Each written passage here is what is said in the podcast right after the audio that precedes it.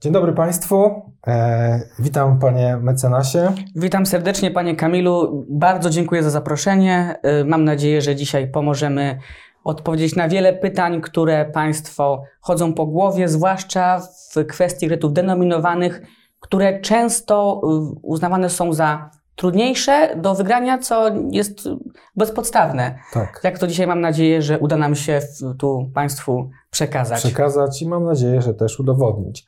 Także przechodzimy e, od razu do pierwszego slajdu. E, oczywiście tutaj e, jeszcze raz przedstawienie osoby. Chwilkę zostawimy ten slajd adwokata Patryka Szpury. No i zaczynamy.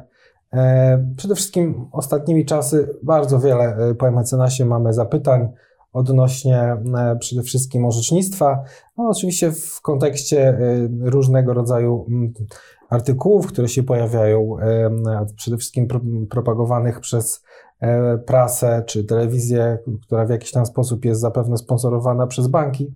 My postaraliśmy zadać e, sobie trudu i e, odnaleźliśmy statystyki globalne z całego kraju, które wskazują na to, jak wygląda mniej więcej orzecznictwo obecnie, jak wyglądało w niedalekiej przeszłości. Pamięć nasie, jakoś Pan to skomentuje. Tutaj, no tutaj nie budzi chyba wątpliwości.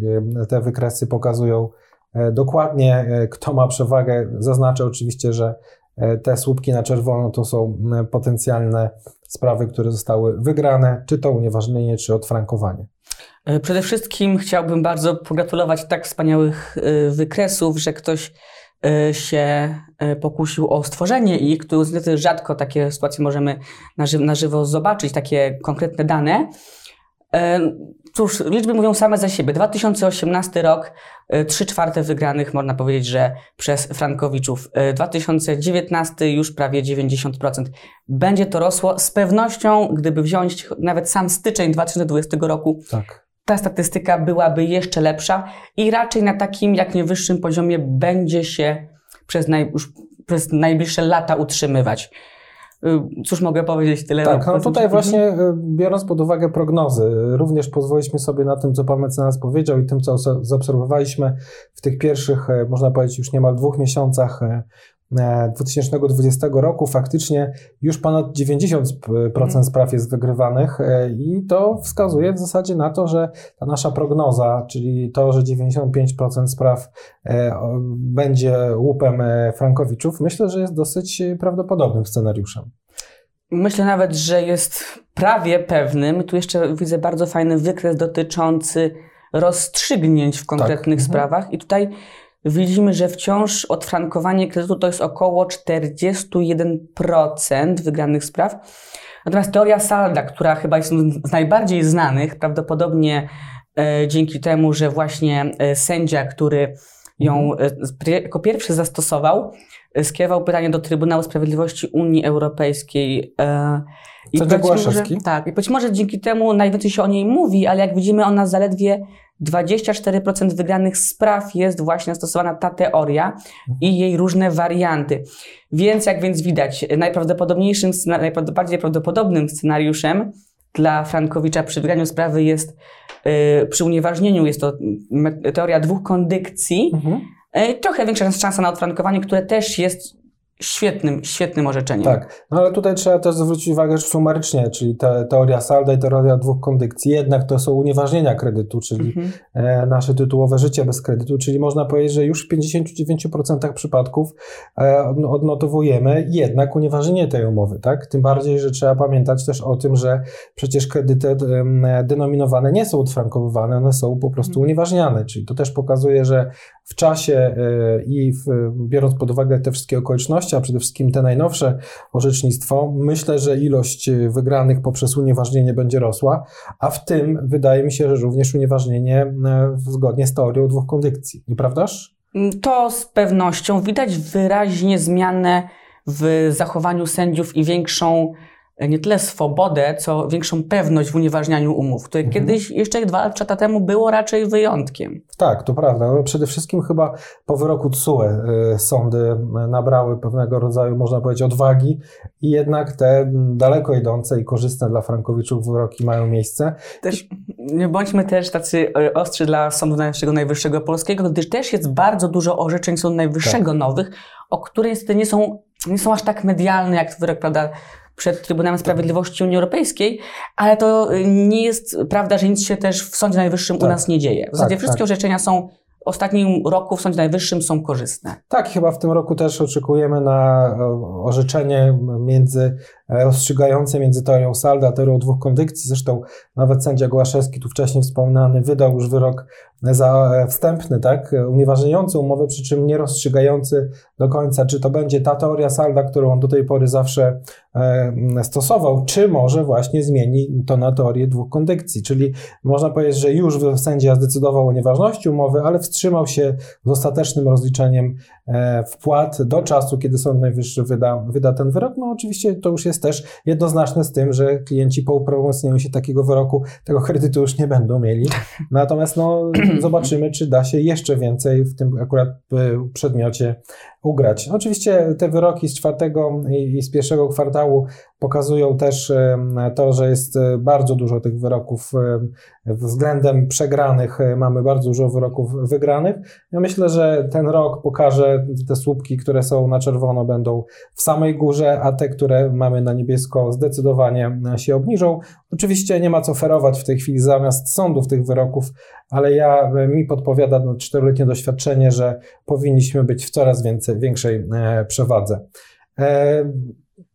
Mamy też e, dosyć e, okoliczność e, ciekawą, czyli też wynikającą z jakichś powiedzmy wyliczeń, które wskazują na chwilę obecną dwa bardzo istotne wskaźniki. To znaczy, trzeba przede wszystkim wskazać, że rezerwy finansowe tworzone przez banki są poniekąd pochodną stanowiska e, osób odpowiedzialnych w bankach, czy to biegłych rewidentów, czy innych osób odpowiedzialnych, za to, żeby na tytułem przyszłych przegranych spraw tworzyć zasady tych e, ostrożności, które są e, w bankowości również powinny być przynajmniej używane. Mimo wszystko e, działa to na, na wyobraźnię, to znaczy jeżeli mamy setki tysięcy, e, powiedziałbym nawet już w tej chwili e, miliardów złotych odpisów globalnie w całym systemie, no to znaczy, że banki absolutnie akceptują już to, że z tymi sprawami e, jednak będą musieli po, pogodzić się, w tych sprawach będą się musieli pogodzić w porażkach, z porażką i tutaj mamy przede wszystkim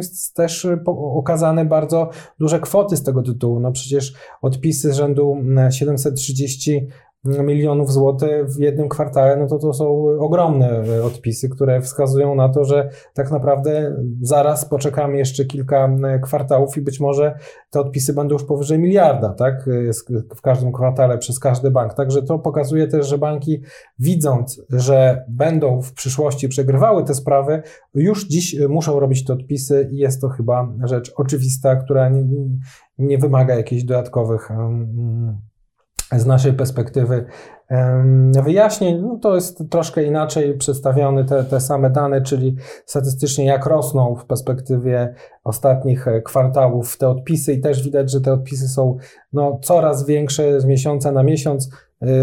Tym bardziej, że to jest e, realny wykres, nie jest to słupek, który został zrobiony po prostu, e, żeby ładnie wyglądał, bo widać, że te wykresy się w zasadzie pokrywają. Oczywiście każdy bank ma e, inne portfele, stąd też te odpisy są mniejsze i większe, ale pokazuje po- mniej więcej zachowana tendencja, czyli kwartał do kwartału non-stop te odpisy rosną. Czy pan mecenas również zauważa coraz większą ilość wygranych spraw?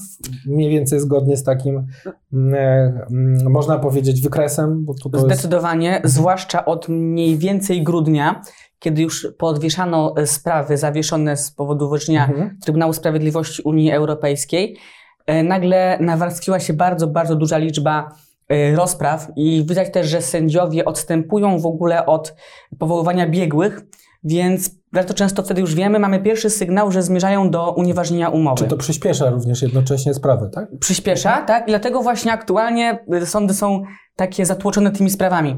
I y, dlatego y, aktualnie chyba nie ma tygodnia, żebyśmy jakiegoś, o jakimś unieważnieniu nie usłyszeli. Tak, tak. Albo nawet Mhm. sami na nim nie byli, nawet kilku w ciągu jednego tygodnia, co jest naprawdę wcześniej był to, y, działo się to raz na jakiś czas. Było to naprawdę ważne, aktualnie trzeba by codziennie pisać, że stała się wielka, y, wielki przełom. Tak, prawda? tak, tak. No dzisiaj już myślę, że wielkiego wrażenia na nikim nie robią te wyroki, bo one są, zapadają na bieżąco.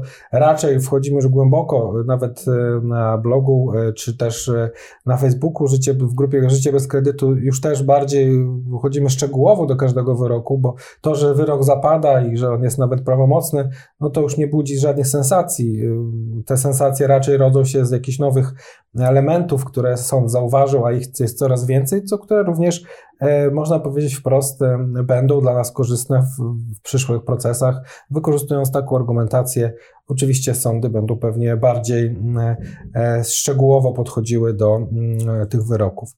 E, Tutaj jeszcze w perspektywie również y, poniekąd w kontekście zarówno w długofalowym, jak i w takim krótkofalowym, można przestrzeni powiedzieć, tych e, ostatnich e, wzrostów kursu franka, no widać, że tak naprawdę w krótkim terminie ten kurs rośnie właśnie z uwagi na to, że e, widać, że po wyroku TSUE banki muszą coraz więcej odkupywać tych franków, czyli w tej chwili pamiętajmy, że jeszcze w listopadzie 2019, czyli kilka miesięcy temu kurs był 3,80 E, 4. No, na dzień dzisiejszy, teraz przed wejściem na żywo sprawdzałem, to już był ponad 4,03, także to pokazuje, że e, te, ten kurs jest tak naprawdę pochodną też sytuacji, która dzieje się w sądach, czyli czym kurs wyższy, tym banki muszą po prostu więcej płacić za odkupywanie tych e, tytułem wyroków, tych, tych franków.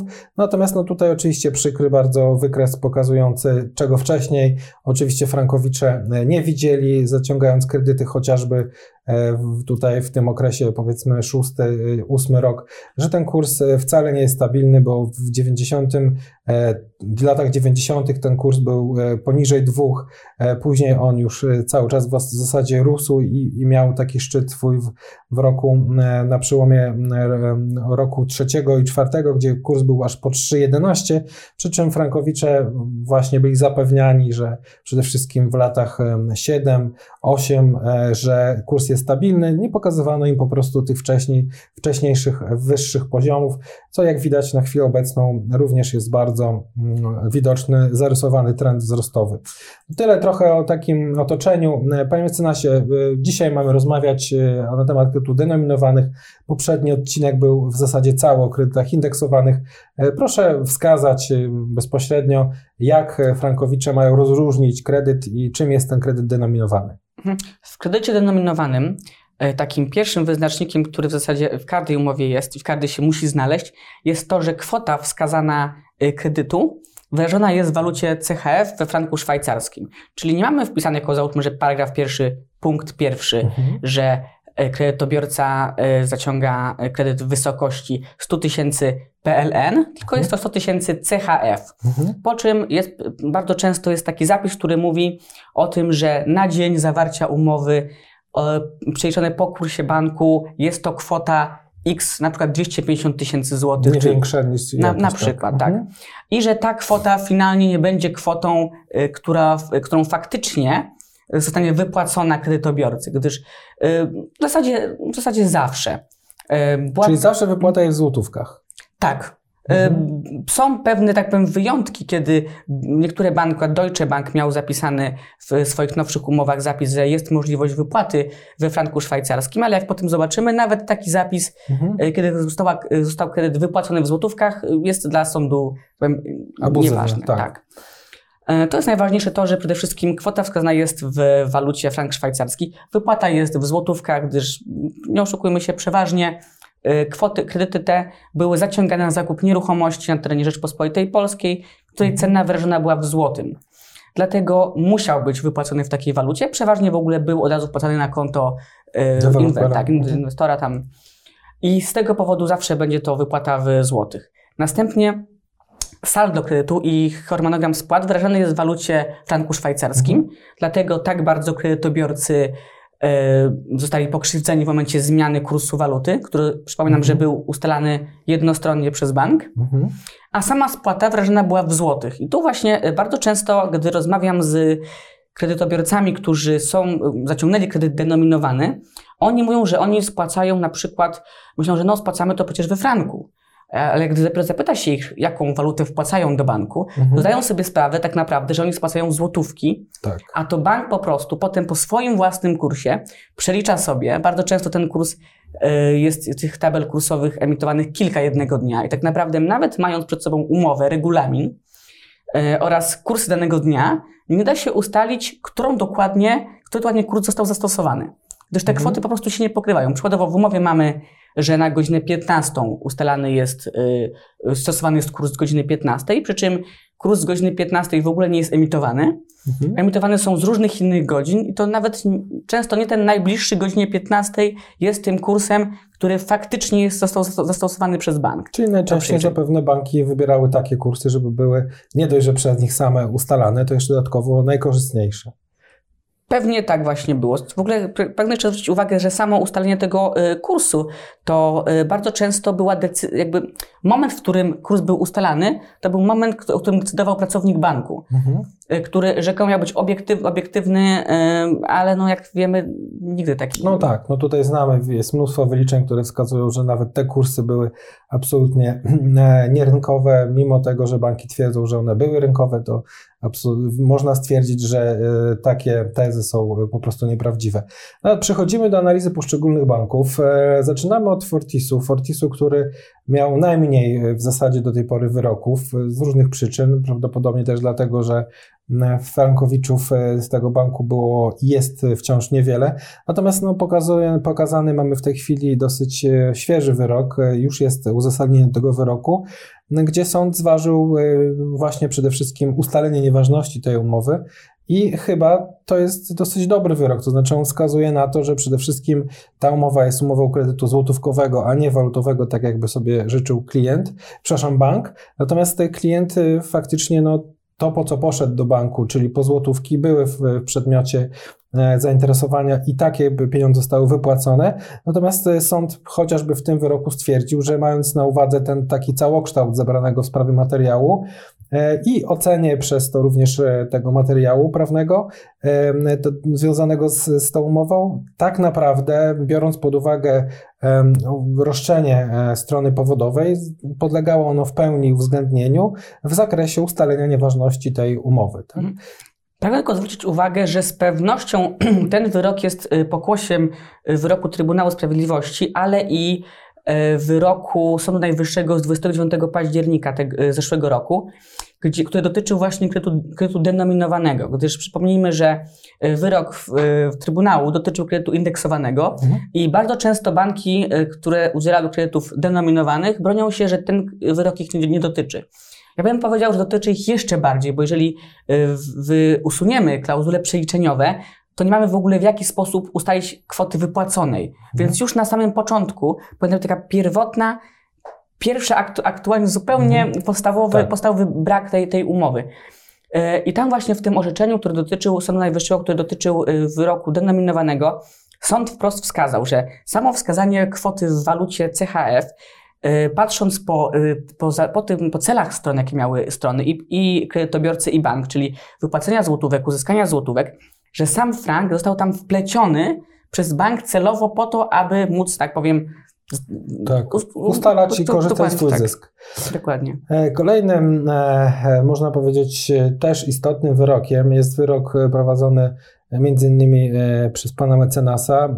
Tutaj mamy na naszej dzisiejszej prezentacji taki dosyć, można powiedzieć, obszerny schemat wygranej, która w tej chwili ta sprawa jest w apelacji. E, panie mecenasie, proszę chwilę opowiedzieć, jak e, wyglądał przygotowanie, ten pozew i następnie wyrok. Na wstępie, trzeba, na wstępie trzeba zauważyć, że e, sprawa była o tyle trudna z dwóch podstawowych już elementów przy wnoszeniu pozwu. Po pierwsze, były to dwie umowy Deutsche Banku zawarte w przeciągu roku. Mhm. Bardzo często argumentem banków, i tutaj w tym przypadku też był to argument, jest to, jest to, że gdy kredytobiorca zawiera którąś z kolei umowę y, kredytową, nawet czasem nawet jak samą złotówkową, zawarł kiedyś złotówkową, aktualnie zawiera y, frankową, Tak. Y, banki podnoszą, że on powinien mieć już wiedzę o działaniu tych mechanizmów, tym bardziej tu był, Mhm. były to umowy prawie tożsame. Y, Ale mo- nie, jedno, nie, nie, nie jednocześnie, Nie. jednocześnie nie takie same we wszystkim, w całym tak, zakresie. Między innymi w tej drugiej był właśnie ten zapis, o którym już mówiłem wcześniej, że była możliwość wypłaty w, we franku. Mhm. I mimo to, ponieważ nie, został, y, nie zostało to zrobione, bo kredytobiorca potrzebował złotówek, sąd nie uznał tego za przekonujący argument. To był pierwszy element, zawarcie dwóch umów, więc bank się bronił tym, że przecież kredytobiorca miał już taki kredyt, spłacał go więc do, przez rok, więc dokładnie wiedział, w jaki sposób y, będzie to przebiegało. Więc nie powinno być dla niego żadną, żadnym zaskoczeniem to, że y, saldo kredytu może poszybować w górę. Mhm. To jest pierwszy element. Drugi element był, y, trudny był taki, że kredytobiorca w momencie za, zawierania tego kredytu był przedsiębiorcą. Mhm. Co również jest y, dla, y, takim kolejnym bardzo ważnym argumentem dla banków, który próbuje wówczas udowodnić, że został ten kredyt przeznaczony na y, działalność związaną z prowadzeniem działalności. Ale został w tym przypadku? Nie został. No właśnie. Nie został, był on wykorzystany na zakup lokali mieszkalnych, które były, które były przystosowane, miały, cel, celem było ich zamieszkanie i użytkowanie, a nie użytkowanie w celach prowadzenia przedsiębiorstwa i działalności. Bardzo często banki próbują wówczas argumentować, że gdy na przykład ktoś założy spółkę albo działalność w miejscu, y, w którym ma, y, w którym y, właśnie w Mieszka, lokalu, który tak, tak, zakupił za kwotę kredytu, próbują przekonać, że było to właśnie na, na potrzeby tego, y, tego, tej, tej działalności. Na szczęście orzecznictwo jest bardzo korzystne w tej kwestii, gdyż, że tak powiem, sąd wychodzi z założenia, że pracuje się w domu, a nie mieszka się w pracy. Więc jeżeli ktoś mieszka w tym No tak. lokalu, to jednak cel był taki, żeby przede wszystkim mieszkać, że jest to Widzimy tutaj, że zaraz po odpowiedzi na pozew e, sędzia Polakowski prowadzący tą sprawę zdecydował o skierowaniu sprawy e, na mediację. Czy one przyniosły jakikolwiek skutek? Absolutnie żadnych i to właśnie y, zawsze powtarzam, że gdy w zasadzie, w zasadzie nie ma sensu nawet wychodzić z inicjatywą kierowania sprawy na mediację. Banki bardzo rzadko y, wyrażają na to zgodę. Z tego na przykład, co y, wiem, bank PKO BP wyraża zgodę na mediację tylko i wyłącznie w sprawach, w których to bank pozywa kredytobiorcę, a nie odwrotnie. Mhm. Co też jest jakąś dziwną taktyką, która prawdopodobnie ma służyć zawieszeniu, ewentualnie liczeniu, że kredytobiorca zrezygnuje, jakoś y, będzie, będzie spłaci Przymuszony, kredyt. Tak, tak. do, do, do kredytu, Najczęściej ekonomiczny... wówczas kredytobiorcy są pod przymusem ekonomicznym i muszą się zgodzić. Zupełnie inna sytuacja jest. Natomiast czy y, pan mecenas zna takie sytuacje, kiedy faktycznie je, została zawarta ugoda z bankiem? Znam jedną i ona, ta ugoda była niekorzystna dla kredytobiorcy, który zgłosił się niestety zbyt późno, y, zawarł y, ugodę, która y, tak naprawdę... A to była chciał- pozasądowa czy w sądzie? Pozasądowa. Pozasądowa. Pozasądowa jeszcze. Jeszcze i właśnie potem przed z, z pytaniem, czy jest możliwość wniesienia pozwu, niestety było już za późno. Ale przeważnie banki oferują po prostu możliwość spłaty po 10, 15, 20 gro- groszowym yy, przeliczeniu z Mhm. franka na złotówkę niższym yy, niż w ich własnych tabelach banku. Bądź Więc w dzisiejszym kursie na średnim NBP. Tak, to też, ale to raczej, raczej to rzadkość. Przeważnie i tak one wolą mieć. Mhm. Czyli w yy, zasadzie pewność. propozycje ze strony banku są nieakceptowalne. Jak widać ostatnio trochę w prasie, banki znowu pewnie opłaciły nowych, e, powiedzmy, artykułów. No i tam mowa jest o tym, że banki będą mediować. E, Ja powiem ze swojego doświadczenia tylko tyle. E, Nic bardziej mylnego. Proszę w ogóle na to nie liczyć. Jeżeli na etapie spraw, które mają w zasadzie banki e, skądinąd już wiele razy przegrany pod rząd w tym, w tym samym sądzie, u tego samego sędziego, to na pewno nigdy, jeżeli w takiej sytuacji nigdy się nie zgodziły na jakąkolwiek mediację, to tym bardziej nie zgodzą się w sytuacjach powiedzmy innych, które będą dotyczyły innych sędziów czy w ogóle innych sądów. E, Tutaj też ciekawa sytuacja była z biegłym. E, Jak to e, Tak. wyglądało? Sąd wydał postanowienie już w kwietniu 2019 roku o dopuszczeniu dowodu z opinii biegłego. I wówczas myśleliśmy, że faktycznie zostanie, tak powiem, ten, ten kredyt odfrankować, te kredyty oba zostaną odfrankowane. Yy, Nawet została uczona zaliczka na poczet tej opinii, po czym nagle, po kilku miesiącach, sędzia po fakt, po naszym jeszcze zgłoszonym jednym piśmie, y, uchylił to postanowienie y, i cofnął, jak powiem, cofnął ten wniosek o przeprowadzenie, y, wniosek, cofnął swoje postanowienie o dopuszczeniu dowodu z opinii biegłego, Mhm. co było dla nas takim sygnałem, że faktycznie być może po czekając na wyrok Trybunału Sprawiedliwości, ja tu pragnę zwrócić uwagę, że to jest jeszcze- jeszcze przed tym wyrokiem, więc Mhm. sędzia już prawdopodobnie domyślał się, jaki będzie wyrok. Tak, bo była opinia rzecznika generalnego. Mhm. Po czym y, zmierzał już, widzimy, że sprawa, gdy sprawa zmierzała do końca, jeszcze ponieważ pozew był wniesiony w 2017 roku, postanowiliśmy rozszerzyć jeszcze o kolejne wpłaty i gdy otrzymaliśmy wyrok unieważniający obie umowy, widzieliśmy już, że Czyli można jest powiedzieć, dobrze. że, że pozew był e, prowadzony dynamicznie, tak? Tak. To znaczy były jeszcze dodatkowe kwoty uwzględnione już w tym ostatecznym e, wyroku w pierwszej tylko pragnę zwrócić uwagę, że naprawdę war, warto do samego końca walczyć, bo nawet gdy sędzia wyda, y, dopuści dowód z opinii, to jak widać jeszcze nie oznacza, że w ogóle ona zostanie sporządzona. Tak, no w- wnioski o reasumpcję można składać, jeżeli faktycznie to kosztuje czas i pomysł, ale oczywiście, jak widać w tym przypadku, prawdopodobnie również to mogło przynieść skutek, czyli ile tr- trwał e, sumarycznie ten przewód sądowy w pierwszej instancji. Łącznie trochę ponad dwa lata. Mhm. Czyli I z tego, co już też otrzymałem informację, również to naprzeciwna wniosła apelację, gdyż my ją wnieśliśmy Mhm. ze względu na to, że jest to y, teorią, nie jest to te, takim wariacją teorii Salda, można powiedzieć. E, ale chcemy zobaczyć, co powie o tym jeszcze sąd wyższej instancji. Widać, to naprzeciwna również ma, Mhm. y, się o tym dowiedzieć. No tak, jak widać tutaj łączna korzyść osiągnięta wskutek tego postępowania e, na chwilę obecną to jest 880 tysięcy, więc też można powiedzieć, że wyrok jest e, pokaźny, jeżeli chodzi o wartość. E, Myślę, że sąd w tym zakresie będzie miał jeszcze do wypowiedzenia się sąd apelacyjny, natomiast no, chyba wszyscy zakładamy, że ten wyrok będzie utrzymany, bo w mojej prywatnej opinii e, sędzia Polakowski wydał wyśmienity wyrok, o- opisał wszystko bardzo dokładnie, zdecydował, e, dlaczego takie, a nie inne kwoty zasądza, bo zasądzone było ponad 100 tysięcy, plus odsetki. Oczywiście, jeżeli wyrok będzie prawomocny w ciągu powiedzmy jeszcze roku, to, to jest około 21% odsetek, e, dlatego że to jest 7% w skali roku, czyli do tych 100 tysięcy będzie jeszcze 21 tysięcy odsetek, więc jakby no generalnie, no i oczywiście życie bez kredytu, to znaczy nie, nie będzie tego kredytu i to jest chyba najważniejsze no, z perspektywy mm, klientki, chyba do niej to wówczas e, pewnie trafi pani mecenasie, jak już e, przeczyta ten wyrok ostateczny, prawomocny. Czego życzymy oczywiście e, pani, która miała te dwa kredyty. E, Tutaj dodatkowo e, jeszcze e, sumarycznie rozpisane te wszystkie elementy, które wiązały się z nieważnością.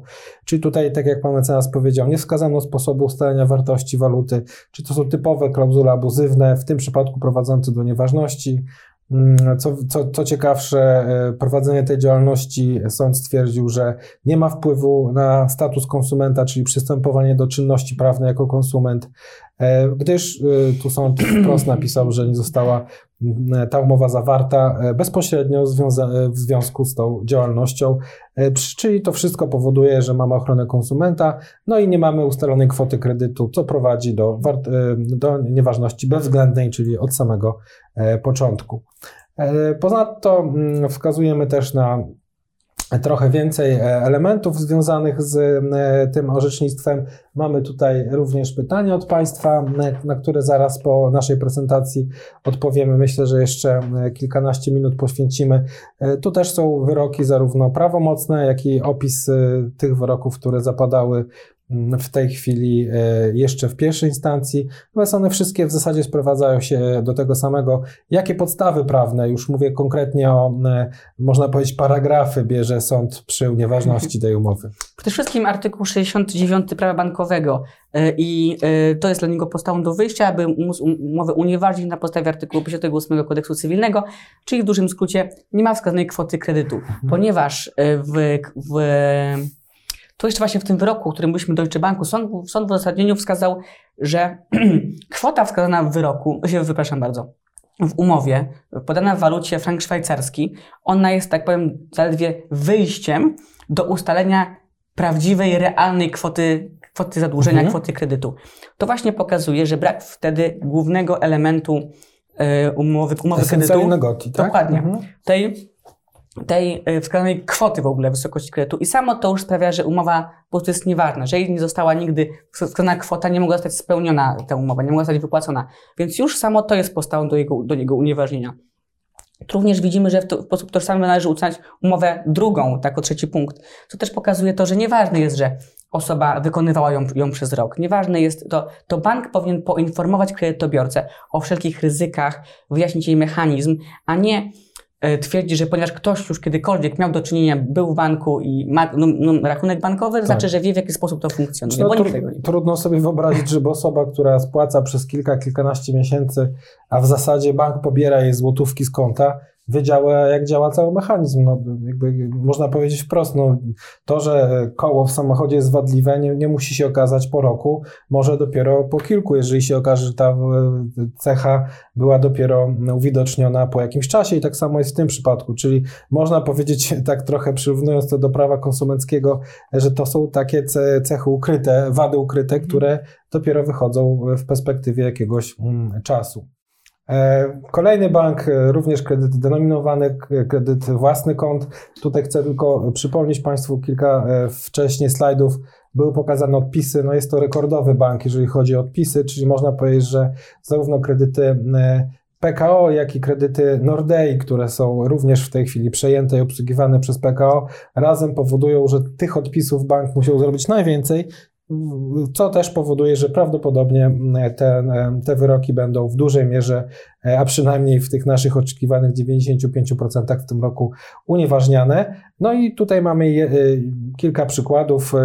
Panie mecenasie, wyrok sędziego mm, Tyszki, również Sądu Okręgowego w Warszawie, e, też nie tak dawno. Co ciekawe, jeszcze przed wyrokiem TSUE, prawda? Mhm.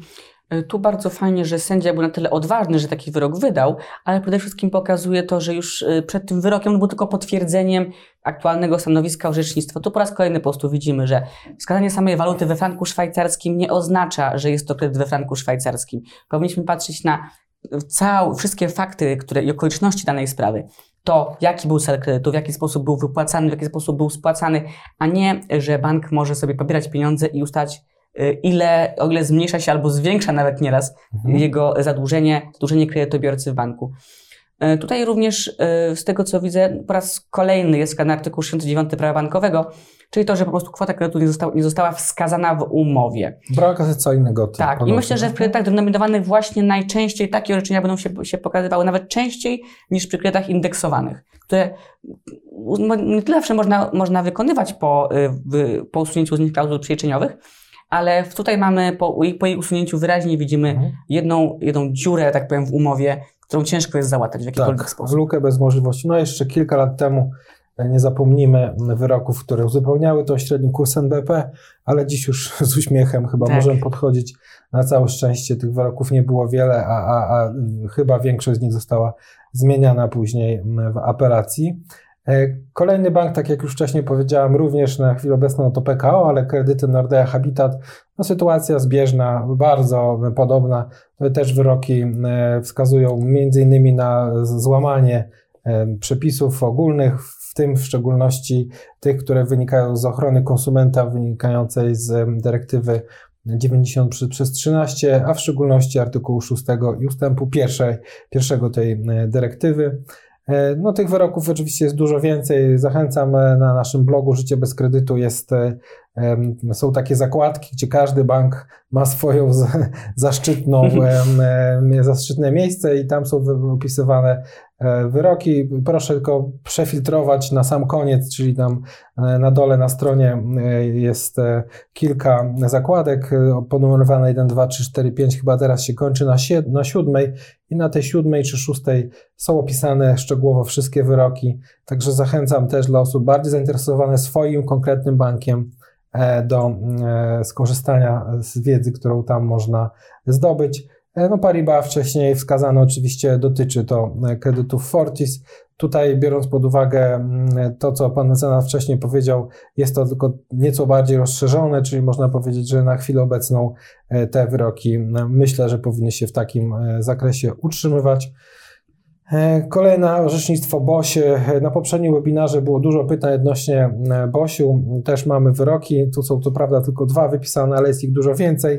Natomiast tutaj na, na podstawie tego konkretnego wyroku warto wskazać na to, że sąd zastosował teorię dwóch kondycji, prawda? Mhm. Mm, tak, tutaj po raz kolejny, że y, sędzia tutaj widzę Agnieszka Lewandowska, mhm. tak, nie mylić z Robertem Lewandowskim, y, też naprawdę pokusiła się o unieważnienie i to zastosowała to najdalej, bardziej, najdalej idącą, tak powiem, dla, najbardziej korzystną dla kredytobiorcy rozwiązanie, czyli metodę teorię dwóch kondycji, E, czyli strony muszą sobie e, zwrócić, e, co sobie tak powiem nawzajem świadczyły. Jestem właśnie ciekawy, jak to, jak, jak to, to, to orzeczenie zostanie już utrzymane w sądzie drugiej instancji, w jaki sposób sąd podejdzie do roszczenia ewentualnego banku, gdyż myślę, że to jest kolejna niewiadoma, ale przypuszczam, że na chwilę obecną, patrząc z tego, że z takiego wychodząc z punktu założenia właściwego, że sąd nie może kierować się interesem ekonomicznym, a musi patrzeć na przepisy prawa, to może dojść do sytuacji, gdy te roszczenia banków będą przedawnione. No tak. Na to jeszcze bardzo czekamy i, i mam nadzieję, że taki właśnie wyrok się, yy, się no tak. Prowadzenie dynamicznie procesu powoduje, że zawsze można zareagować na to nawet na ostatnim etapie, czyli jeszcze przed zamknięciem E, postępowania. Natomiast tutaj ten e, obowiązek e, kondykcji aktualizuje się przy tego rodzaju orzeczeniu, czyli tutaj na podstawie artykułu 420 paragraf 1 i 2 w związku z artykułem 405 dochodzi po prostu do nieważności czynności prawnej, która skutkuje właśnie zwrotem nienależnego świadczenia. Może tak krótko o tych e, wszystkich wyrokach. Dzisiaj będziemy mieli też możliwość odpowiedzenia Państwu na te pytania w ramach naszego czatu, który zaraz otworzymy.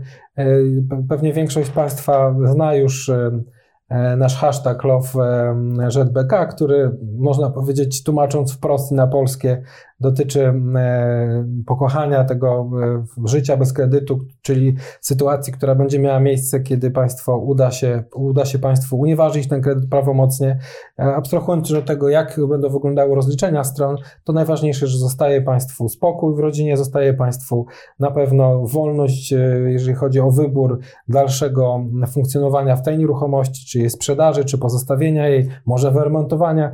Wielu też frankowiczów zgłasza takiego rodzaju mm, brak możliwości chociażby wykonania i pieniędzy na wykonanie remontu, no bo skoro rata jest taka duża, dużo większa niż się pierwotnie zakładało, oparta oczywiście na nieuczciwym mechanizmie i nie można nic zrobić z tą nieruchomością, bo saldo przewyższa wartość nieruchomości, no to wówczas tak naprawdę nie da się żyć spokojnie, i trzeba e, koniec końcem wiązać. Natomiast tak wcale nie musi być. E, myślę, że ta nasza akcja Love ZBK będzie się rozwijała i to będzie się rozwijała znacznie, a w szczególności będzie się rozwijała w najbliższych tygodniach. E, planujemy wiele ciekawych e, materiałów na ten temat. Chcemy też pokazać historię Frankowiczów ze społeczności życia bez kredytu, e, tak abyście Państwo zobaczyli, że to jest wszystko bardzo realne. W zasadzie, chyba mogę tak powiedzieć, na wyciągnięcie ręki. Oczywiście wiąże się to też z finansowaniem takiego procesu, przy czym nie są to jakieś strasznie trudne do wyobrażenia sobie kwoty, ani też zasoby czasowe, bo w zasadzie, jeżeli przestawiamy E, e, sprawę do, do wykonania przez, e, w sądzie, tak, czy ewentualnie wcześniej, nawet jeszcze przedprocesowy, przedprocesowy ten okres, to, to w zasadzie te, myślę, że godzinę, dwie klient musi sobie poświęcić na to, żeby zająć się tą sprawą, całą resztę już oddaje w rękę pełnomocników. Jak za, zacząć, zacząć życie bez kredytu? No tutaj myślę, że mm, też to jest proste. Ja w ogóle dla osób zainteresowanych wyślemy tą dzisiejszą prezentację, bo wydaje mi się, że jest ona e, dosyć ciekawa, natomiast nie będziemy tutaj zanudać Państwa i czytać to, tego, co tutaj widzimy napisane na ekranie, natomiast powiem tylko tyle.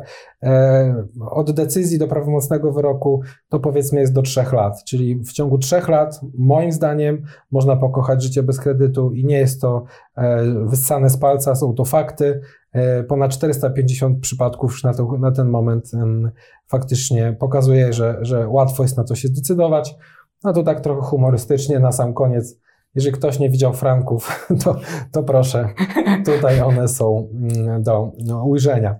Także e, przechodzimy, mm, Szanowni Państwo, do czatu.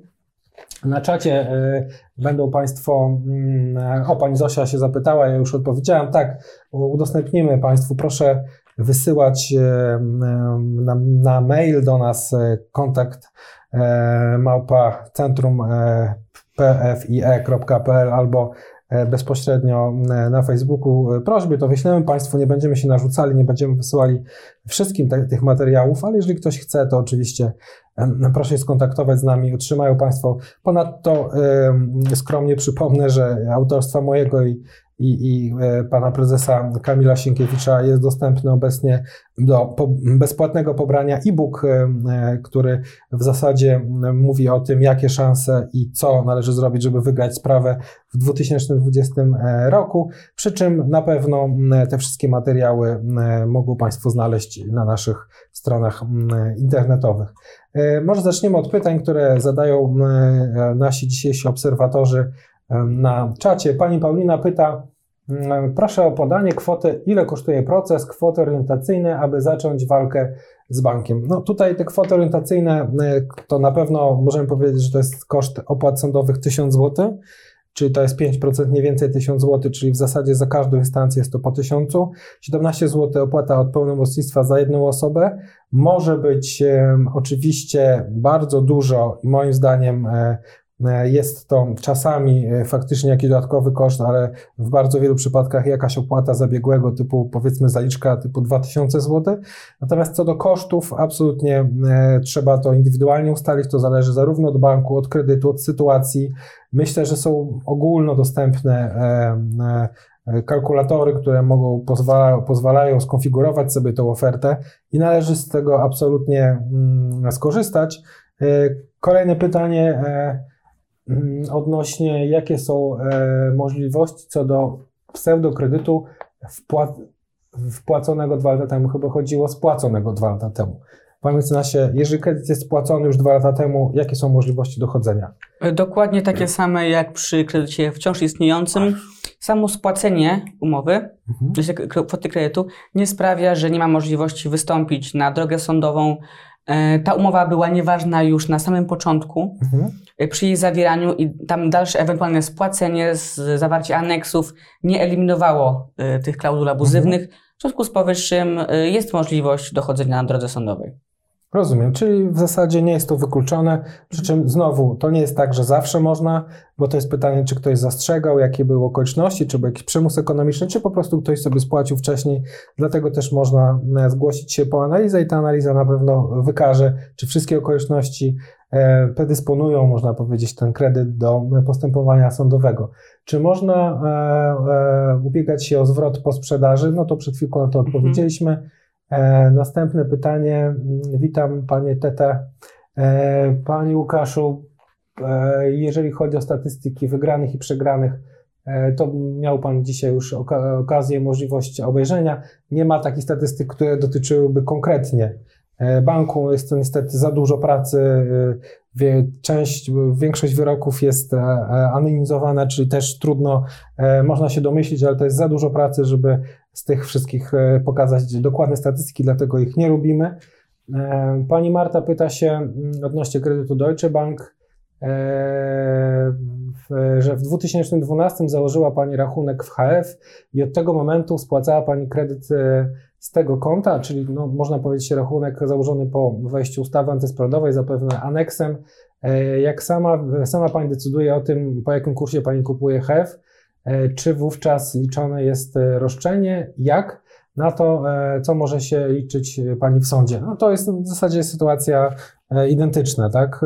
Chodzi o to, że roszczenia są układane zgodnie z tym, co było świadczone. I tu tak, właśnie gdy, jeżeli pani spłacała, wpłacała na konto bezpośrednio frank, walutę franku szwajcarskiego, to może pani wówczas domagać się zwrotu tej konkretnej waluty, a nie przeliczonej równowartości w złotych polskich. E, tylko po prostu kwoty, którą pani realnie, ilość franków, jakie pani wpłaciła w tym czasie. Czy przeszkadza to dochodzeniu w ogóle roszczeń? Nie, absolutnie nie. E, tak jak już mówiłem, zawarcie aneksu, zmian, nawet zmiana, zmiany waluty spłaty nie wpływa na roszczenie, na, to, na tą pierwotną wadliwość tej umowy. Bezwzględną, tak, od samego początku. Czyli tu chodzi o to, że to, że pani spłacała we franku, będzie powodowało, że będzie można kreować roszczenia powiedzmy do 2012, natomiast no już niestety w chwili obecnej od 2010, czyli od marca 2010, czyli 10 lat wstecz, do 2012, czyli momentu, kiedy zaczęła Pani spłacać we franku jako spłaty w złotówce, a dopiero od 12 roku do końca procesu można kreować roszczenia o zwrot we franku. Na co może Pani liczyć w sądzie? No to ta nasza dzisiejsza prezentacja też trochę chyba wyjaśniła. Przede wszystkim na nieważność e, umowy kredytowej, życie bez kredytu. Natomiast co do rozliczeń stron, no to tak jak powiedziałem, to bardzo mocno zależy od tego, jak podejdzie do sprawy konkretny sędzia i chyba też jakie są okoliczności związane e, z tym konkretnym przypadkiem. E, pani Iza pyta, czy na ten moment po prostu należy wnosić o unieważnienie umowy, czy też nadal e, należy rozważyć przewalutowanie.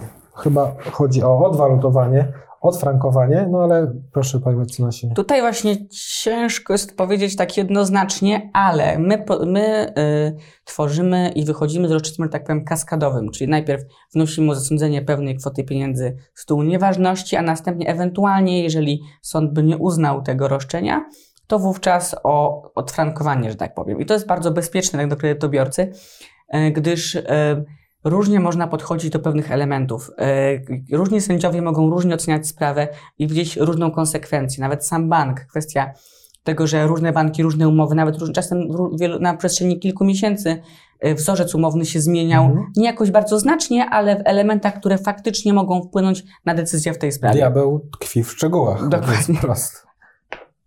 E, okej, okay, czyli można powiedzieć tak, no proszę naprawdę powierzyć kreowanie roszczeń osobom, które się na tym znają i konkretnie wiedzą, co w danym wzorcu umownym można zrobić i należy zrobić. Trzeba pamiętać, że tutaj nie ma takiego ograniczenia, jak jest normalnie e, w postępowaniu sądowym, że za każde roszczenie trzeba płacić 5%, e, wnosić opłatę sądową 5%, tylko jest to jedna opłata niezależnie od tego, czy jest, są 2, 3 czy 10 roszczeń. Także tutaj myślę, że na pewno nie zaszkodzi e, poza roszczeniem głównym również przygotować roszczenia ewentualne, a w szczególności później również ewentualnie rozszerzać powództwo, czy to o kwoty, czy jakieś nowe elementy, które mogą się wiązać również później z korzystnym wyrokiem. Eee, po zapodnięciu wyroku o unieważnienie umowy i jego uprawomocnieniu się, kredytobiorca może płacić raty kredytowe. No, po uprawomocnieniu się to nie ma umowy i nie ma do czego płacić, prawda? Tak, to wówczas nie, czyli chyba pytanie... Nie, już pani pisze konkretnie o, po uprawomocnieniu się. Nie, po, po uprawomocnieniu się, jeżeli mamy w orzeczeniu, że y, y, umowa jest w całości nieważna, nie ma, nie, ma, nie ma zobowiązania stron, nie ma y, między innymi, no tak powiem, prawnego powiązania, nie ma żadnych postaw ani tak. do zapłaty, a ewentualnie również egzekucji przez bank takich kwot, gdyż no, nie mamy do tego podstawy. Tak jest. Pani Bożeno, bo to się chwilę zastanawialiśmy, y, czy, czy na pewno Pani pytała o to, czy po uprawomocnieniu się wyroku no, można przestać, natomiast no, niektórzy również przestają płacić już po pierwszej instancji, zamiast ten, zanim ten wyrok jest y, prawomocny. Oczywiście robią to na własne ryzyko, natomiast no, w zasadzie generalnie powiem tak, że to nie jest jakoś też strasznie do, dolegliwe, żeby przestać płacić wcześniej niż po, prawo, niż y, po prawomocnym wyroku. Przy czym, tak jak mówię, tu każdą sytuację trzeba ocenić indywidualnie i w, w kontekście tych spraw wielokrotnie zdarza się, że frankowicze przestają płacić. Tu tylko jeszcze powiem, żeby y, po wniesieniu pozwu, nie myślę, że to jest moment, od którego y, A, jakoś tak, strony tak. wdały mhm. się w spór mhm. i jest jakieś moment jakby decyzji na to, że do tego czasu jest zawieszony ten okres, absolutnie nie. Tak. Tutaj należy dalej płacić. tak, czyli e, złożenie pozwu jedynie przerywa bieg przedawnienia, natomiast absolutnie nie umożliwia zrobienia czegoś na kształt e, zabezpieczenia tego powództwa, tego typu rzeczy, chociaż być może w przyszłości niektóre banki e, będą miały zabezpieczenia powództwa, natomiast na chwilę obecną to jeszcze nie, nie, nie, nie jest, e, można powiedzieć, grane w, w sądach. Getin Noble Bank e, tak, raz, taki to, wyjątkowy to jest przypadek. Jakiś tam wyjątkowy przypadek. Jak wiadomo, Getin nie jest bankiem stabilnym w tej chwili. Pan Marek e, z Wrocławia, dzień dobry. I tutaj mam pytanie pana Mateusza, który zadał nam pytania przed dzisiejszym. W ogóle mam całą listę tych pytań, po kolei będziemy je starali się odpowiedzieć. Czy kredyt przewalutowany ze złotego na franka kwalifikuje się do walki o unieważnienie. Czyli chodzi pewnie o kredyt aneksem zmieniany. Tak, i to właśnie już na to odpowiedzieliśmy poniekąd. Y, Sama zmiana kwoty, y, waluty spłaty kredytu w żaden sposób nie wpływa na tą pierwotną, y, pier, pierwotną wadę umowy kredytowej i zawierania w niej klauzul abuzywnych, których przypominam, nie można absolutnie żadnym aneksem, żadnym porozumieniem stron y, wyeliminować, gdyż nie Mhm. można umowy nieistniejącej y, naprawić z punktu widzenia prawnego. To Mhm. jest Tak. E, Pan Łukasz chciał jeszcze doprecyzować pytanie. Pyta się, w zasadzie mówi, że słyszał z informacji krążących wśród prawników, że trudno jest wygrać z Deutsche Bankiem. Pan, e, Panie Łukaszu, my takie sytuacje o takich rzeczach e, słyszymy w zasadzie w ca, na co dzień, tak? A w szczególności jeszcze 3-4 lata temu banki bardzo chętnie e, rozprzestrzeniają takiego rodzaju informacje. No, po co? No po to, żeby nie, nie pozywano ich.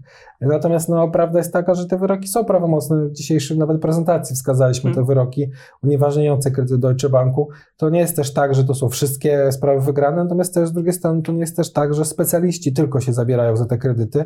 Jeżeli tak by było, to prawdopodobnie większość tych kredytów które zostały w pewien sposób e, przegrane, bądź powództwo zostało oddalone, byłyby uznane te powództwa, ale nie do końca uważam, że prawdą jest, że trudno jest wygrać z Deutsche Bankiem. To jest taki sam bank jak każdy inny i moim zdaniem ma podobne, m, jak nawet kredyty indeksowane, klauzule, wobec tego tutaj te, te sfery są jak najbardziej mm, istotne. Pan Andrzej pyta się, przepraszam, bo pyta się pan e, o coś, co pierwszy raz widzę. Pyta pan się, czy pana pytanie zostało pominięte. E, Przepraszam, nie wiedziałem wcześniej. Pyta się pan, co oznacza unieważnienie umowy. Czy po takim e, wyroku zobowiązanie jest zerowane i kredytobiorca nie ma już nic do spłacenia? Czy obie strony zwracają sobie to, co uzyskały, czyli kredytobiorca wypłaconą kwotę kredytu w PLN, a bank zapłacone raty? E, czyli pan Andrzej po prostu pyta się, jakie są skutki unieważnienia umowy. Mhm. No to przy unieważnieniu umowy mamy na chwilę obecną e, dwie możliwości rozliczenia.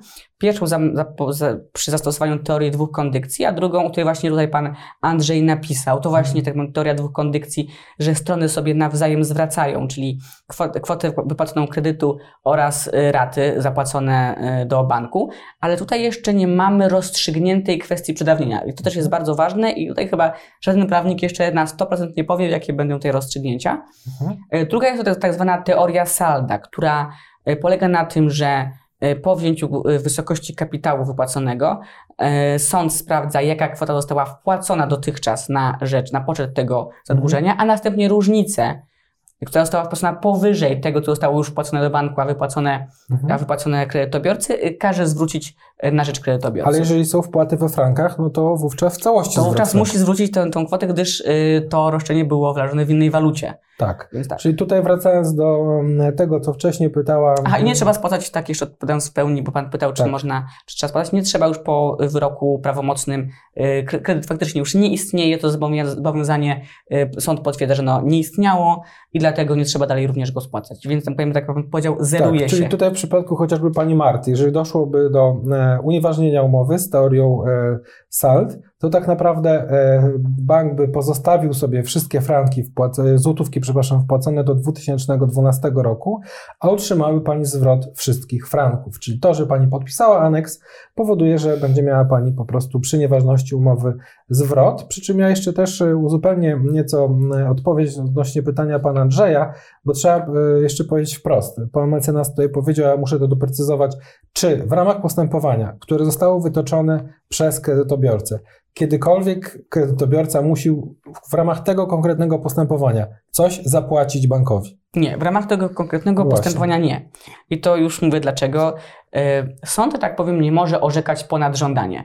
Kiedy bank sam nie wychodzi z powództwem, a nie wyjdzie z powództwem nigdy, bo gdyby z takim powództwem wyszedł, to by sam potwierdził, że umowa nie jest nieważna, Mhm. bo nie byłoby naszej podstawy do żądania zapłaty. Więc w ramach tego postępowania nie. Mhm. Kwestia ewentualnie, co się będzie po prawomocnym wyroku e, działo, jakie będzie działanie banku.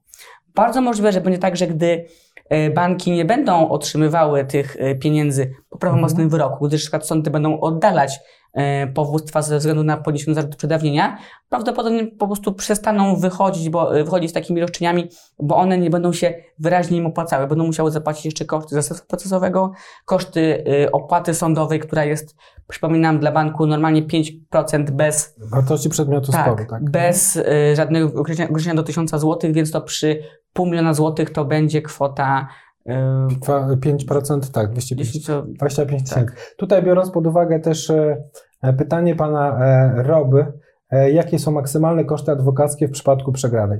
Tu też trzeba powiedzieć, że tutaj akurat e, ta zasada obowiązuje, czyli jeżeli chodzi o wartość przedmiotu sporu do 200 tysięcy złotych, to koszty adwokackie są opłaty minimalne 5400 za pierwszą instancję i 2700 za drugą instancję, natomiast jeżeli wartość przedmiotu sporu przekracza 200 tysięcy, a jest nie większa niż 2 miliony, wówczas jest to 10 800 i 5400 za drugą instancję. Natomiast e, myślę, że pewnego rodzaju koszty można też sobie zabezpieczyć i te zabezpieczenie wcale nie jest jakoś strasznie kosztowne. Najczęściej ono odbywa się w ten sposób, że później te success jest podnoszone, ale tak jak powiedziałem, e, najlepiej jest po prostu wszystkie mm, kwoty, które wynikają e, potencjalnie z dochodzenia takich roszczeń, w ramach konkretnie swojej umowy ustalić czy zweryfikować i wówczas dostanie Pan bezpośrednio odpowiedź dotyczącą Pana umowy, bo trudno te wszystkie parametry w tej chwili wziąć pod uwagę i dać jedną dobrą odpowiedź, czyli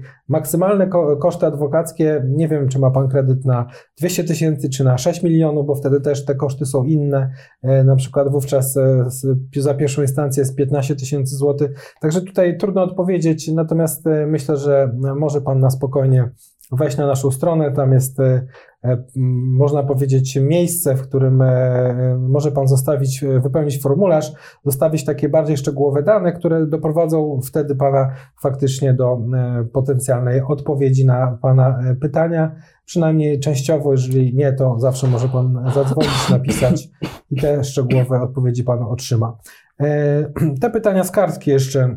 Czy e, Pani Monika pyta, czy można samemu złożyć pozew przeciw bankowi, czy osoba nieznająca prawa jest w stanie sama to przygotować? No będzie to bardzo trudne i raczej wątpliwe, że tak powiem. E, Argumentacja, jaką przede wszystkim samo złożenie pozwu nie będzie, nie będzie trudne. Kwestia, co się będzie działo później, gdy otrzyma się odpowiedź od banku. Odpowiedź na pozew, która e, no, rekordowo chyba zajmują nas dwa segregatory i to jest ponad tysiąc stron, Tak. gdzie samej odpowiedzi na pozew jest powyżej, powyżej 200, a załączniki kolejne to jest kolejne 800 A stron. sumarycznie nawet półtora tysiąca stron była taka odpowiedź. I y, gwarantuję, że wówczas, y, nie oszukujmy się, tam, tam pracują w banku, dla banku pełnomocnicy profesjonalni, którzy od lat mają tych spraw mnóstwo, więc mają praktykę, w jaki sposób sobie radzić. I bardzo, bardzo wiele spraw w ogóle jest przegrywanych e, nie z tego powodu, że umowa była nie do wygrania, czy z tego powodu, że e, coś się wydarzyło, ktoś zawarł jakiś, jakiś aneks, który uniemożliwił jego, e, jej, jej Mhm. wygranie. Często jest na przykład tak, że jest taka sytuacja, y, orzeczenie Warszawskiego Sądu Okręgowego, ostatnio się spotkaliśmy, w którym roszczenie zostało oddalone, roszcze- roszczenie kredytobiorców, a tak naprawdę z uza- uzasadnienia samego y, wyroku wynikało, że y, sędzia, sędzia stwierdził, że powin, umowa kwalifikowała się do unieważnienia, ale ponieważ nie został jeszcze kredyt, tak powiem, spłacony kapitał, nie mógł zasądzić y, kwoty Nie było chyba roszczenia nawet. tak, roszczenie, nieważności. właśnie nie było roszczenia nieważności, bo Mhm. sam roszczenie o zapłatę, której nie mógł zasądzić, więc sama sentencja brzmiała oddala powództwo w całości. Mhm. A z uzasadnienia wynikało, że samo, sama umowa mogła być unieważniona. I to właśnie pokazuje, jak może skończyć Tak. się y, sporządzenie ro- roszczenia i wytoczenie powództwa, gdy dokładnie zna się procedur, jak i również tego, co może zrobić bank. Tak, no i teraz na przykład pan Grze, y, Grze, Grzesiek pyta, jakie są powody przegranych spraw? Wskazali Państwo, że jest to około 5%. To znaczy tak, no na chwilę obecną powiedzmy, że jest to około 10%. Zakładamy, że to będzie 5%, a mi się śni po nocach, że to będzie 0%. Natomiast no załóżmy e, sytuację taką, że e, to, co przed chwilą powiedział mecenas, składamy pozew, mamy roszczenie. Roszczenie dotyczy tylko i wyłącznie powiedzmy jakiegoś części y, problemu, nie dotyczy ono szerokiego podejścia, chociażby nieważności umowy. I sąd nie może wówczas zasądzić ani wydać wyroku ponad na żądanie strony. Czyli jednym z powodów e, przegrania sprawy jest po prostu nieumiejętne ułożenie bądź niepełne ułożenie e, roszczenia. Już nie mówiąc o tym, i to jeszcze mi też taki pomysł w tej chwili wpadł e, na myśl, że te oddalenie powództwa może wiązać się również z nieudowodnieniem roszczenia co do wysokości. Prawda, panie mecenasie? Mhm. Właśnie dokładnie o tym samym pomyślałem. Mhm gdyż ba, sąd nie może tak powiem wydać orzeczenia tylko na podstawie wskazania pewnej kwoty przez kredytobiorcę. Y, roszczenie trzeba uzasadnić przed sądem co do wysokości, co do zasady. Mhm. Co do zasady, samo to jest już bardzo trudne. Ustalenie, które klauzule są abuzywne. I sam na rozprawie się zetknąłem z sytuacją, gdzie pełnomocnik banku zapytał wprost, prosłuchując kredytobiorcę, które pan konkretnie paragrafy i dlaczego uważa, że są abuzywne. Dzięki Bogu udało się zainterweniować mhm. i to pytanie zostało uchylone, ale to pokazuje, do czego banki tyle są zdolne ale co zrobią, aby taką sprawę wygrać? Samo nawet nieuzasadnienie wysokości roszczenia nie wyczynia odpowiednio kwoty przy odfrankowaniu. Do mhm. takich obliczeń potrzebny jest ekonomista. Jest ktoś, kto naprawdę zna się na tych y, przeliczeniach. Jest, jest, nie jest to możliwe do zrobienia przez zwykłą osobę, mhm. na pewno. No tak. Znaczy tutaj Pani Moniko, powiem e, tak. Mecenas uważa, że jest to utrudnione. Ja jestem bardzo zbieżnego zdania. Natomiast nawet jakby było to proste i nawet jeżeli miały Pani e, tak zwanego sąsiada, który jest prawnikiem, ja bym tego nie zrobił.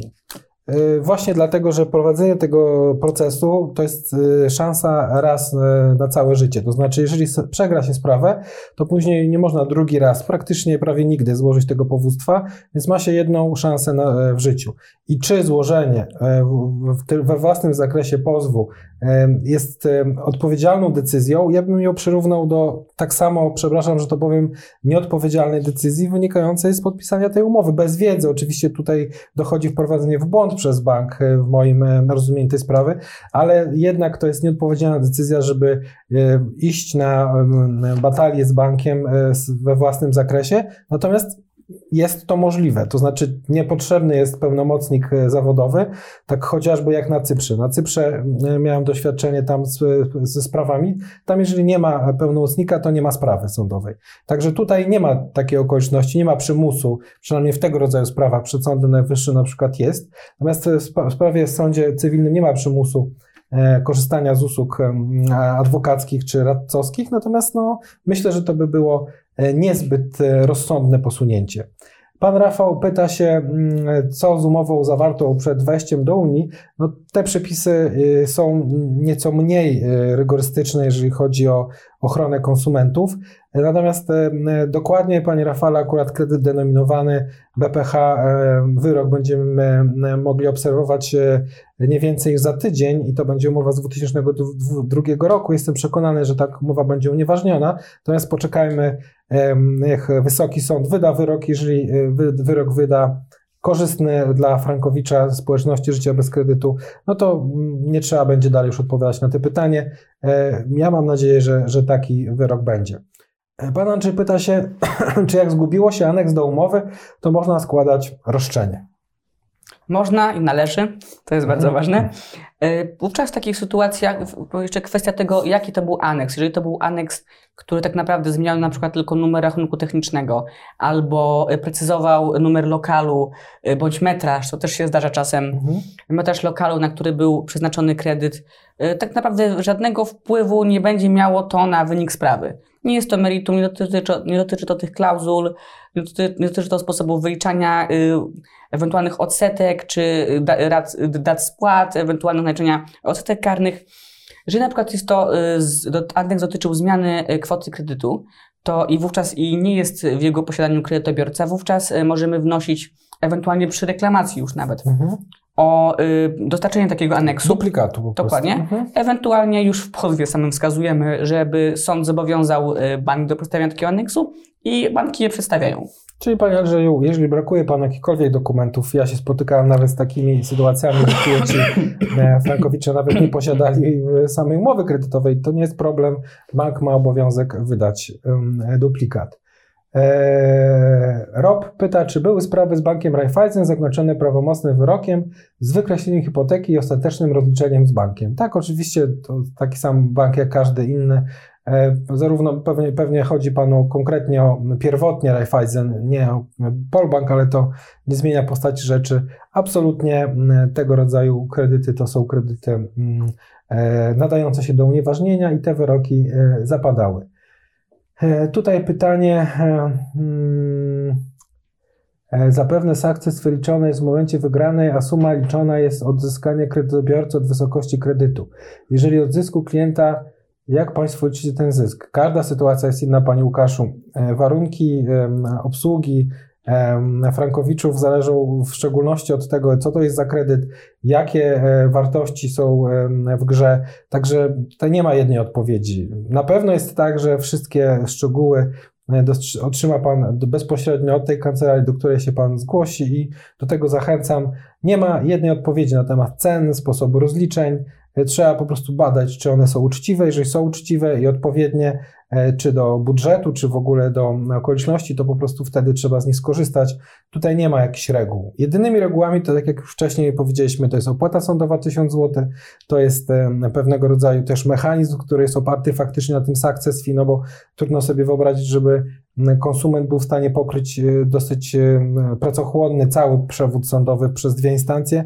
Stąd też trzeba liczyć się z tym, że te success fee będzie, ale to w jaki sposób ono będzie wyliczane, to już zależy od indywidualnej E, oferty i oceny.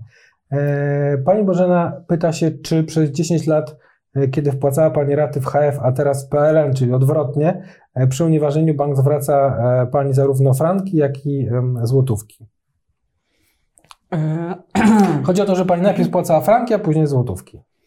E, tutaj jestem przede wszystkim, bardzo musiał zobaczyć wówczas tą umowę i aneks i upewnić się, czy aby na pewno jest dokładnie tak, jak pani mówi. Gdyż bardzo często, e, być może numer rachunku technicznego był mhm. we franku, a tak naprawdę pani e, wpłacała złotówki, które były przeliczane mhm. na, na, na kurs franka. Tak mogło być, gdyż chyba żaden bank nie oferował od razu możliwości spłaty bezpośrednio we franku E, a jeżeli tak było, to na pewno i tak chociaż pierwsze kilka miesięcy było w złotówkach. To jest pierwsze. Po drugie, może Pani się wówczas e, wnosić oczywiście o zwrot wszystkich kwot, nawet przy ewentualnych, ewentualnym odfrankowaniu. E, mhm. Kwoty wpłacone we franku również są, są e, przeliczane, tak powiem, najpierw do złotówki, a następnie potem po przeliczeniu, jaka, jaka powinna być prawdziwa kwota zapłacona, gdyby tak. to był kredyt złotowy, przeliczane znowu na franki, wówczas, nawet wówczas otrzymuje Pani przy odfrankowaniu franki.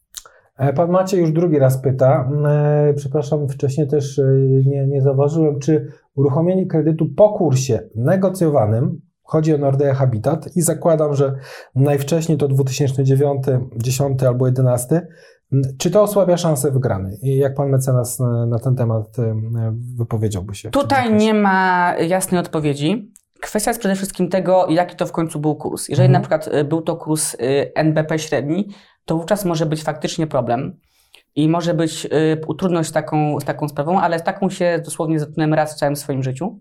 Mhm. Żeby komuś się, to przy bardzo wysokich kredytach, przeważnie tam były jakieś możliwości negocjacji.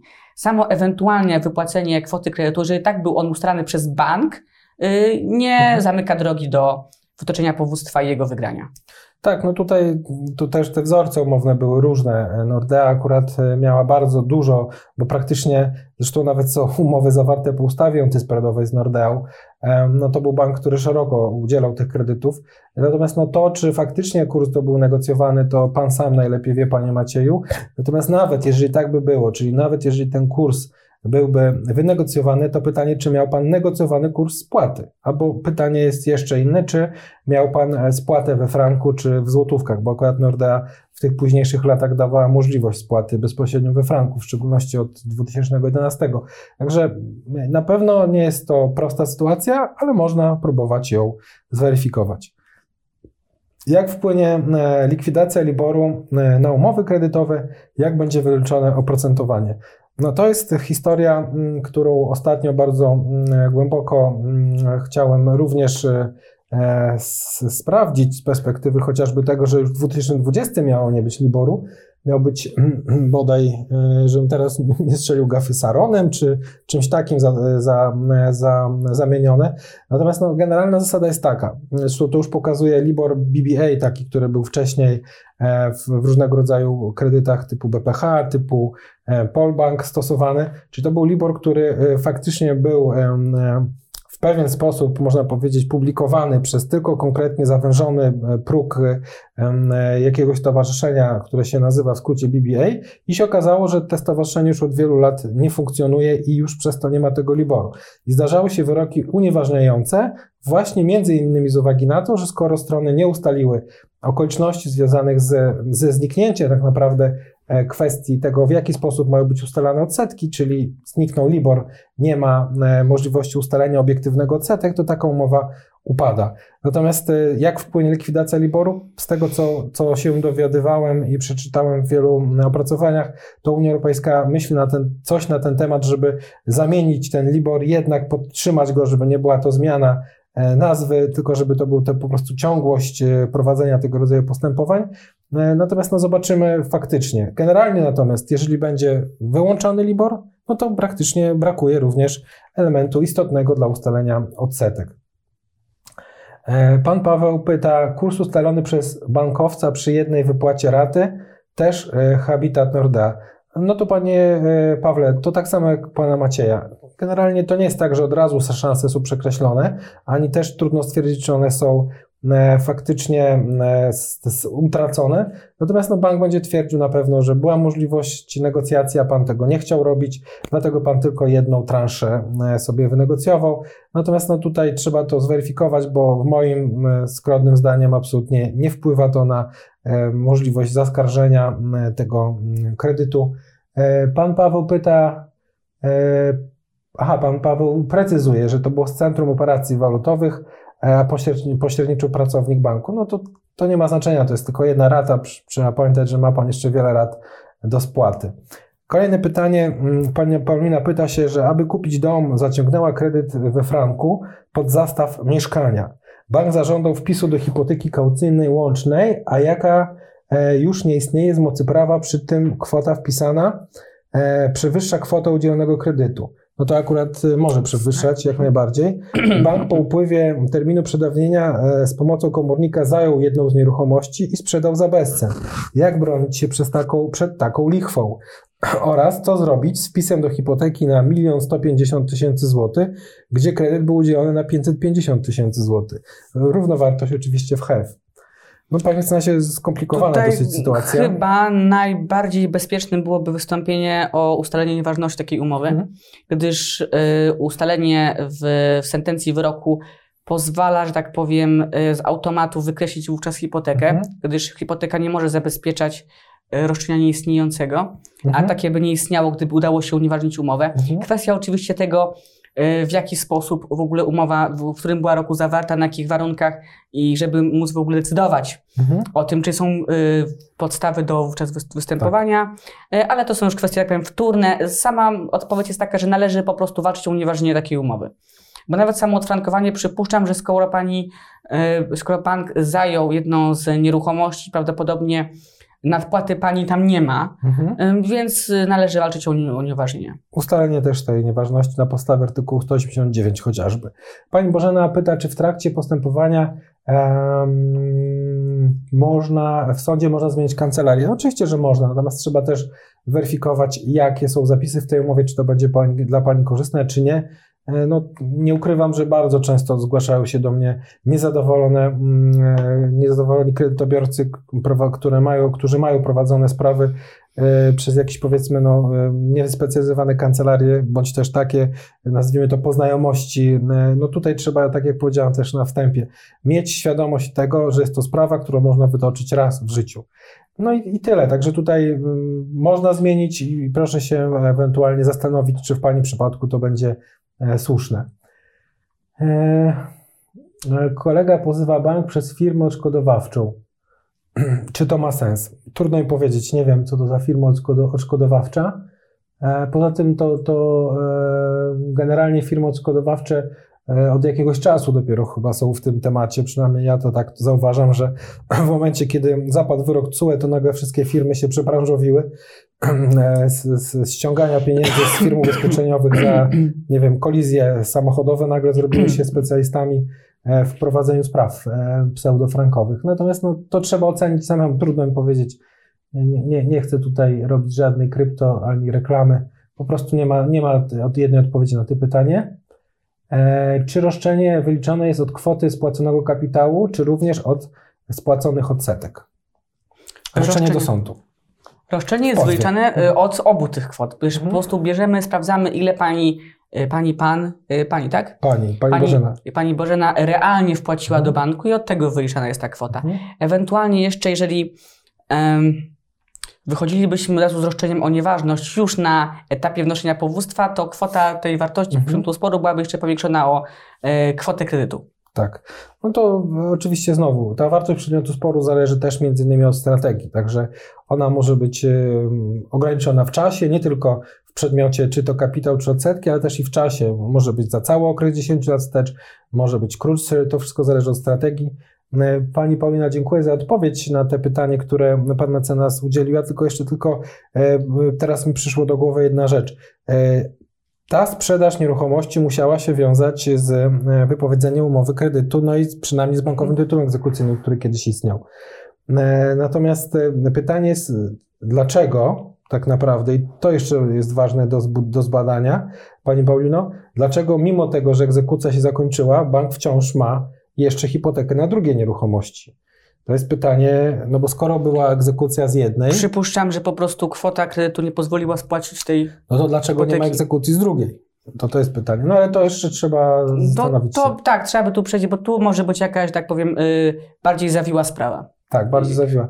Pani Paulino, ciekawa sprawa, lubimy ciekawe sprawy. Jeżeli ma Pani e, więcej e, czasu, to proszę wysłać e, bezpośrednio Z czym zapytanie. kiedyś się właśnie spotkałem, to było, że gdy na jednej z nieruchomości była po prostu współwłasność i bank wolał sobie poczekać, bo bardzo miałby duży problem ze sprzedażą y, tylko udziału w nieruchomości, bo nikt nie Tak. Mhm. chciałby kupić udziału z w nieruchomości No tak. osobą, której nie zna. Pan Marek pyta się, czy prawidłowe jest wpisanie nowego wierzyciela hipotecznego, to jest banku PKO, mówimy o tym PKO z żubrem, w miejsce banku BPH. Sprawa dotyczy pożyczki denominowanej. Standardowy Czy prawidłowo jest pytanie? wierzyciela tak. hipotecznego. Tak, Mhm. w tym wypadku jako następca prawny y, będzie miał prawo wpisać się w miejsce zeszłego Mhm. wierzyciela. Okej.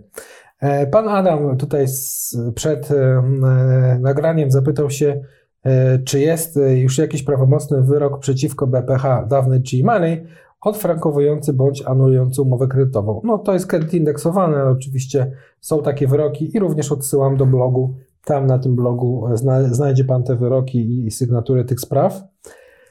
E, p- Pani Ulka e, pyta, proszę o uczciwą odpowiedź. Ile mogę stracić pieniędzy przy przegraniu sprawy w obydwu instancjach? Czy opłata, która widnieje w ostatniej rubryce, w tym przypadku należy się kancelarii? No, e, tutaj ry- rubryk to my nie mieliśmy. Mm. Być może pani do czegoś innego się odnosiła.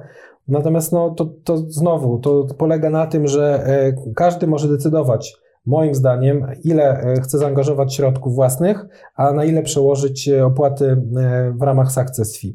Dlatego nie da się jednoznacznie odpowiedzieć.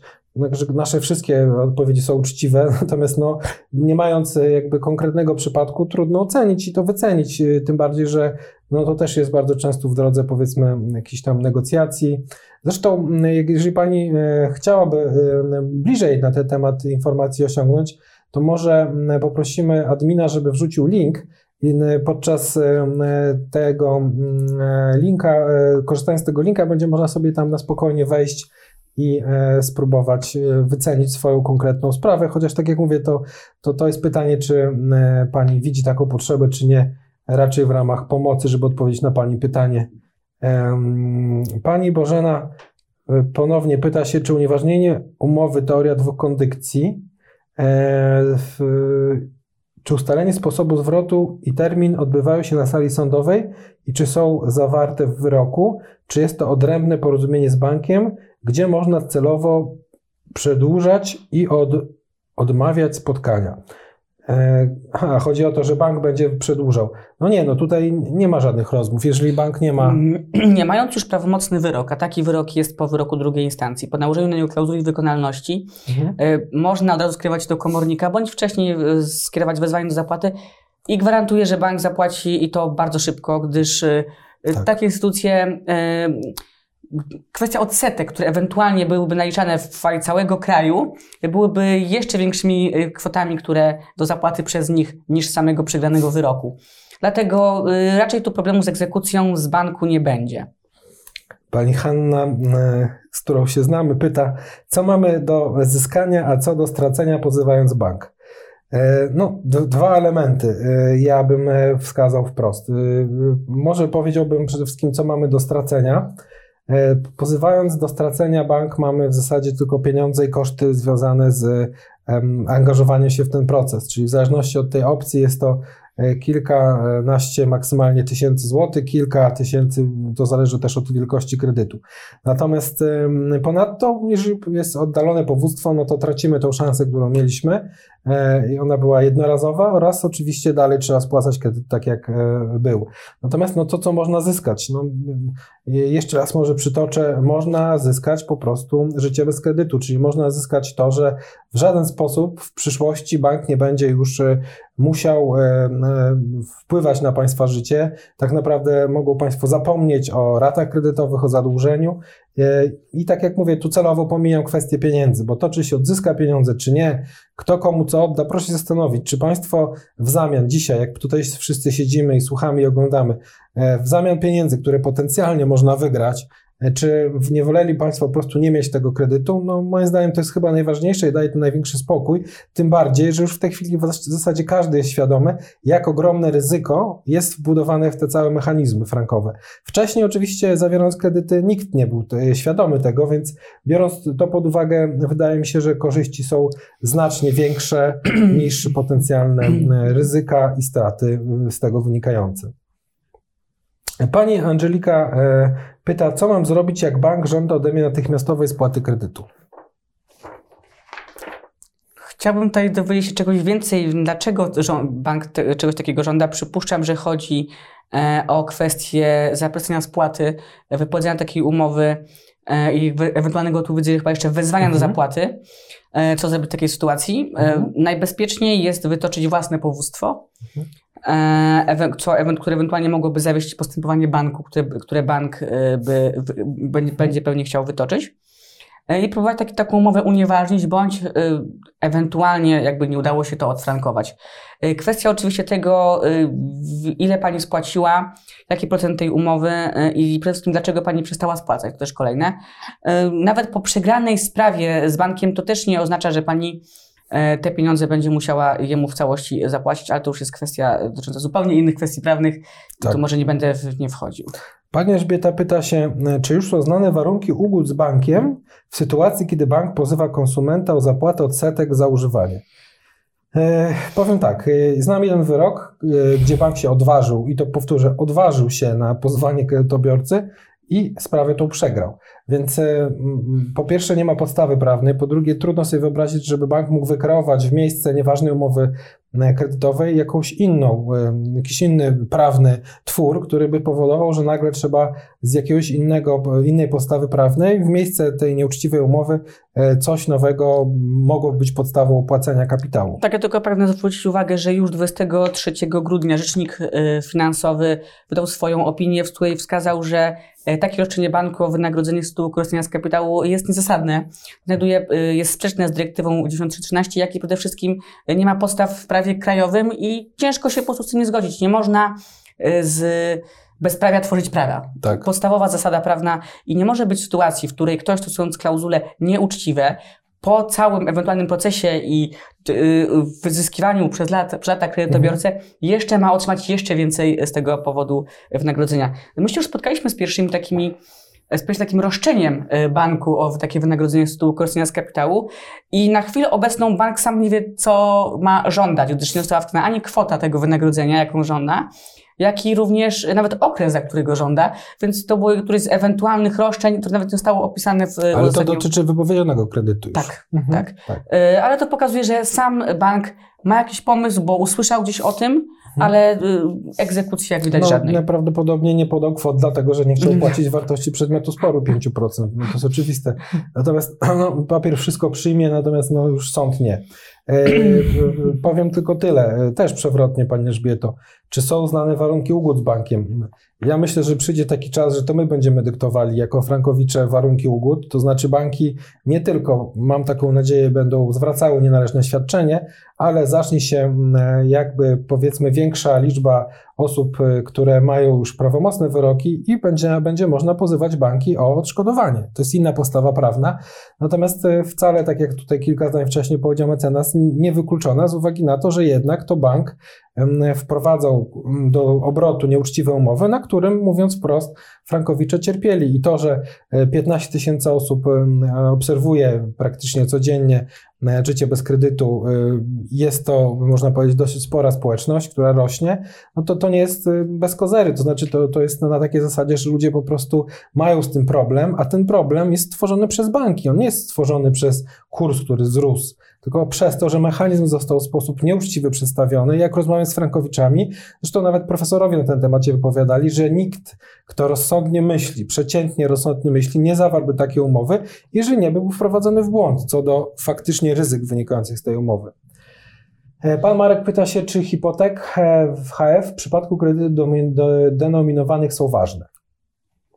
Czy hipoteki w HF, czy wpisane w księgi we frankach? Zależy, w którym roku została wpisana. Tak. Taka jest odpowiedź. E, pan Łukasz, jak wygląda kwestia Pana e, zamieszkania i podpisania umowy w Krakowie? Czy prowadzenie było postępowanie prowadzone w Warszawie z racji siedziby Deutsche Banku? E, czy widzicie Państwo jakieś ograniczenia czy problemy? Panie Łukaszu, ja powiem ze swojego doświadczenia. Sąd Okręgowy w Warszawie jest sądem, który ma najlepiej z całej Polski, przynajmniej to jest moje doświadczenie, rozpoznane wszystkie sprawy. W związku z tym, że siedziba banku e, jest w Warszawie, to bank można pozwać i moim zdaniem należy pozwać w Warszawie.